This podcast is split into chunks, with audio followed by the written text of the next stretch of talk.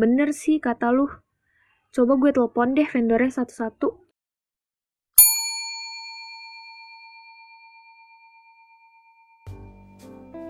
Gue tadi denger obrolan Hana sama Taka. Sepertinya ngobrolin tentang vendor amenities gitu. Sebenarnya sih ini udah beberapa kali gue sampein ke bos. Cuma karena orang yang ngurusinnya juga lelet alias lemot, makanya nggak diberes-beresin. Padahal kan urusan sederhana, tinggal nyari vendor yang bagus, bagus dari segi kualitas barang, bagus juga dari harga. Bila perlu, diadain kompetisi antar vendor gitu, biar bisa dicari tahu mana yang terbaik. Vendor dengan kualitas produk terbaik dan harga yang masuk akal akan menjadi pemenang. Itu aja sih sebenarnya.